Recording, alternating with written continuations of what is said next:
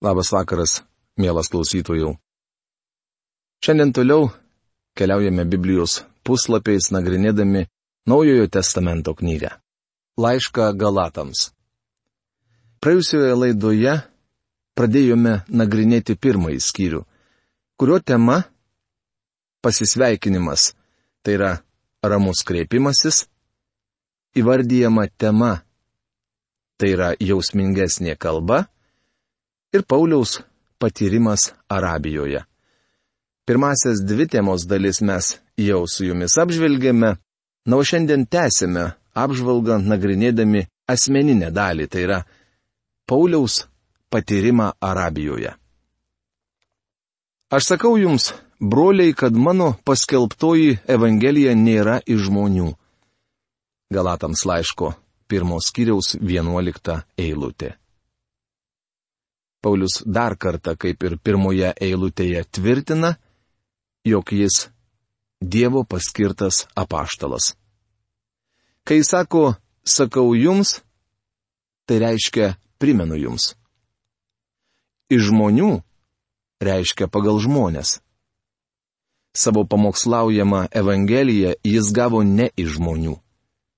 Judaizmo šalininkai abejojo ne tik Pauliaus žinia, bet ir jo apaštalystę. Jis nebuvo vienas iš pirmųjų dvylikos, tik naujokas. Jie metė šešėlį ant Pauliaus kaip apaštalo autoriteto pagrystumo. Paulius ketina tai su jais aptarti ir įrodyti, kad jo apaštalystė pagrįsta tiesioginiu Jėzaus Kristaus pašaukimo apreiškimu. Aš neperėmiau jos iš žmogaus ir nebuvau jos išmokytas, bet gavau Jėzaus Kristaus apreiškimu. Galatams laiško pirmos kiriaus dvylikta eilutė. Paulius gavo apaštalystę ne dėl to, kad baigė mokyklą. Taip pat jis ją gavo ne dėl to, kad buvo išventintas, ir ne dėl to, kad ant jo galvos buvo uždėtos rankos. Pauliaus apaštalystė ir Evangelija atėjo tiesiai per Jėzaus Kristaus apreiškimą.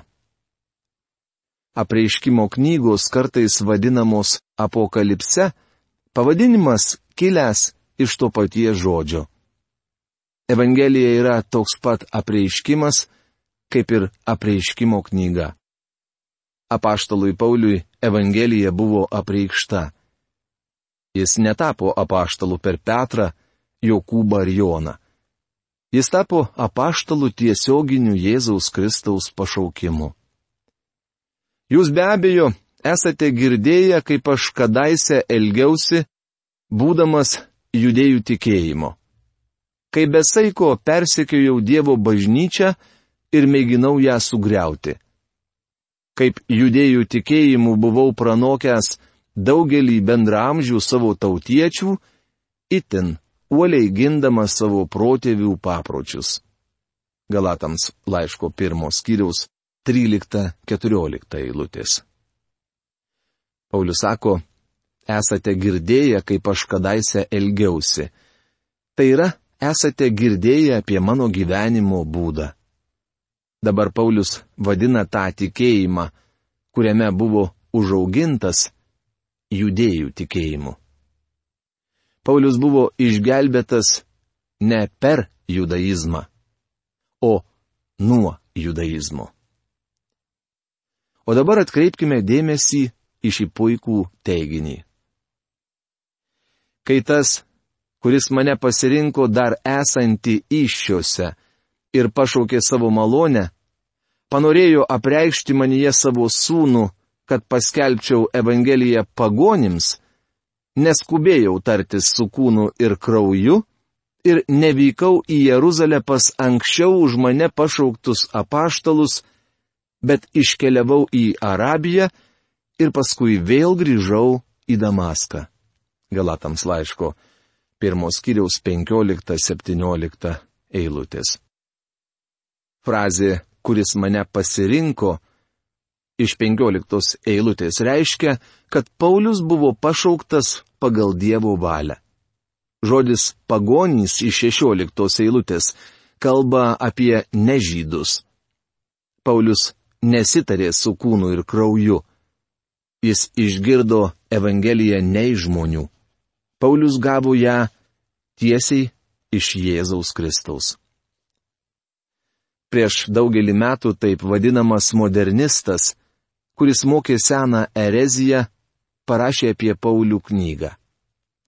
Taip pat jis skaitė paskaitas, kurių teko paklausyti. Jis įvertino apaštalą Paulių kaip didelio proto žmogų. Asmeniškai aš tikiu, jog Paulius buvo protingiausias iš kada nors gyvenusių žmonių. Daug mokslininkų, kurie pažįsta Paulių geriau nei aš, tvirtina tą patį. Jis nurodė, jog Paulius buvo talentingas judaizmo bei puikus graikų filosofijos mokinys, o vėliau paskelbė, jog Paulius sujungė šiuos abu mokslus ir taip sukūrė krikščionybę. Laiške Galatams Paulius sako, jog gavo Evangeliją ne tokiu būdu. Jis gavo Evangeliją tiesioginiu Jėzaus Kristaus apreiškimu. Vėliau, po trejų metų, nukeliavau į Jeruzalę susipažinti su Kefu ir pasilikau pas jį penkiolika dienų. Galatams laiško pirmos kiriaus aštuoniolikta eilutė. Manau, jog šioje eilutėje minimas tas pats laikotarpis, kaip ir apaštalų darbų devintos kiriaus 26-29 eilutėse. Saulis nuvyko į Jeruzalę ir mėgino prisidėti prie mokinių, tačiau visi jo baidėsi, netikėdami jį esant mokinį. Tik Barnabas jį priglaudė, nusivedė pas apaštalus ir jiems išpasakojo, kaip kelionėje Saulis regėjęs Jėzų ir šis kalbėjęs su juo. Ir kaip Damaske jis tvirtai mokęs Jėzaus vardu. Taip jis ėmė lankytis pas juos Jeruzalėje ir drąsiai kalbėti Jėzaus vardu. Jis kalbėdavosi bei ginčydavosi ir su helenistais, kurie nutarė jį nužudyti. Kai sužinome ir tai, suprantame, jog Paulius dykumoje praleido beveik trejus metus. Įdomu, kaip Dievas ruošia savo žmonės. Mozėjais ruošė dykumoje. Abraomą ruošė taip pat gana unikalioje vietoje. Elijas patyrė tą patį. Dievas ruoždavo savo žmogų, nuvesdamas jį į dykumą. Dovydas buvo ruošiamas uolose, kai slėpėsi nuo karaliaus Sauliaus. Atsimenate, kaip jis šaukėsi Dievo, kai buvo gaudomas lyg kurapka. Medžioklės sezonas taip ir neužsidarė. Ta patį metodą viešpats panaudojo Pauliaus atveju. Dievas pasiuntė jį į dykumą beveik trejiems metams. Tuomet jis nuvyko į Jeruzalę, pasimatė su Petru ir pasiliko su juo penkiolika dienų. Kitų apaštalų man neteko pamatyti, tik tai viešpaties broli Jokūbą. Galatams laiško pirmos skyriaus 19 eilutė. Paulius nebuvo susitikęs su kitais apaštalais, išskyrus Petrą ir viešpaties brolį Jokūbą. Tai vienintelis jo susitikimas su jais ir mes pamatysime, jog jis nieko iš jų negavo. Ką jums rašau, tvirtinu Dievo akivaizdoje, jog nemeluoju.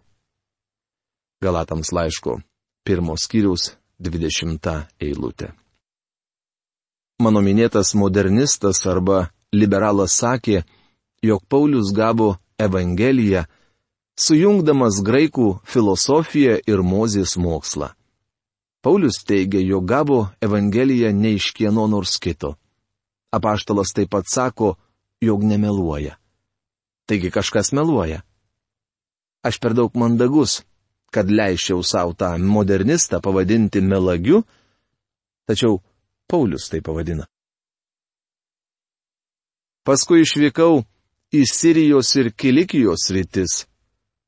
Aš buvau iš veido nepažįstamas Kristaus bažnyčioms judėjoje.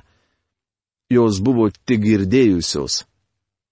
Tas, kuris mus kitados persekiojo, dabar skelbia Evangelijos tikėjimą, kurį kadaise griovė. Ir jos šlovino Dievą dėl manęs. Galatams laiško pirmos kiriaus 21-24 eilutės. Jeruzalės tikintieji nelabai norėjo priimti apaštalą Paulių. Be Barnabo pagalbos Pauliui greičiausiai būtų tekę ilgai laukti, kol Jeruzalės bažnyčia būtų jį prieimusi. Šie žmonės nenorėjo priimti Paulių, nes jis persikiojo bažnyčią, tačiau jie žinojo, ką reiškia atsiversti.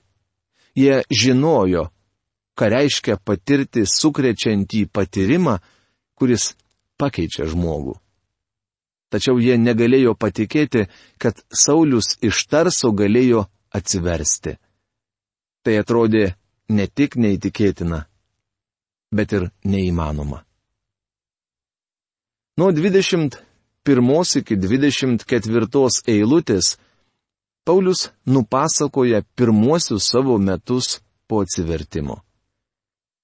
Drauge, aš nemanau, jog tai buvo laimingiausi jo gyvenimo metai.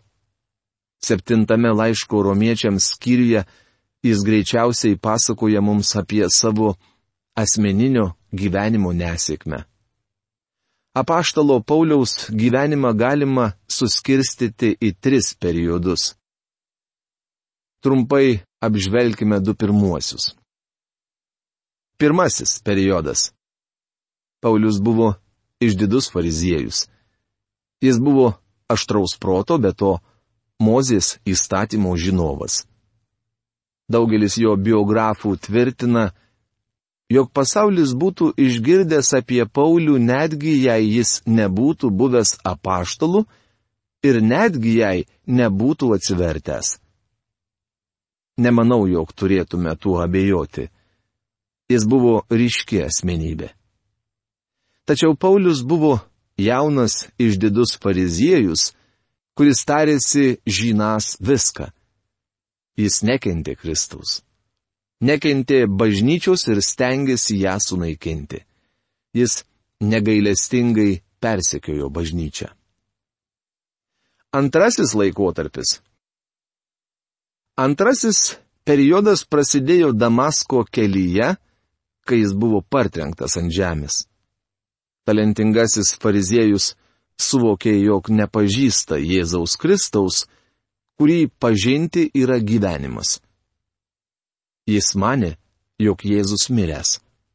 Todėl paklausė, kas tu esi viešpate? Jėzus atsiliepė, aš esu Jėzus, kurį tu persekioji. Persekiodamas mano bažnyčią, tu persekioji mane.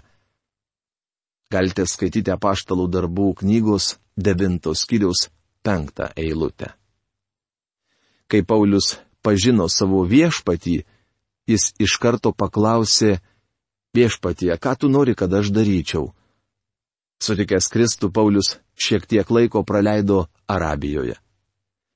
Per tuos pirmuosius metus jis mėgino tarnauti ir suprato, jog negali daryti to, ko nori. Galiausiai jis sušuko vargšas žmogus. Kas mane išvaduos iš šito mirtingo kūno? Taip užrašyta romiečiams laiško 7 skyriaus 24 eilutėje. Tai pasakė ne neišgelbėtas žmogus, o apaštalas Paulius pirmaisiais savo atsivertimo metais. Ir trečiasis periodas. Tuomet atėjo šlovingasis laikotarpis, kai jis gyveno dvasia. Tai buvo laikas, kai jis galėjo gyventi dėl Dievo. Tai vieta, kurioje šiandien turime būti daugelis iš mūsų. Yra tiek daug nelaimingų krikščionių. Manau, jog jie išgelbėti. Tačiau Dvaitas Mudis labai gražiai sako, kai kurie žmonės tokie religingi, kad tampa apgailėtini. Norėčiau kad turėtume daugiau informacijos apie Pauliaus bendravimą su Jeruzalės apaštalais. Esu tikras, jog jums jau kilo vienas klausimas. Jei Paulius gavo Evangeliją atskirai nuo kitų apaštalų, kurie praleido su viešpačiu trejus metus ir regėjo prisikėlusi Kristų, ar Paulius pamokslauja tą pačią Evangeliją? Šiuo metu tai svarbu, nes jei Paulius pamokslauja ne tą pačią Evangeliją, tai kažkas radikaliai neteisinga. Nagrinėdami kitą skyrių pamatysime, kad Jeruzalės apaštalai pritarė Pauliaus Evangelijai ir patvirtino, jog tai ta pati geroji naujiena. Galatams laiško antras skyrius. Tema Pauliaus bendravimas su Jeruzalės apaštalais, Pauliaus pasipriešinimas Petrui Antiochijoje, išdėstomas nuteisinimo tikėjimų mokymas. Dabar laiške Galatams prieiname prie antrosios dalies, kurioje aprašomas asmeninis Pauliaus gyvenimas. Mes žinome, kad viešpats Jėzus Kristus Pauliui Evangeliją perdavė tiesiogiai. Ar tai buvo ta pati Evangelija, kurią kiti apaštalai išgirdo iš viešpaties lūpų?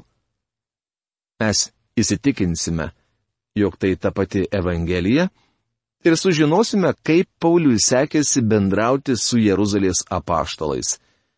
Išvysime, kaip Evangelija buvo skelbiama ir sužinosime, kad Jeruzalės bažnyčia pritarė Pauliaus skelbiamai Evangelijai.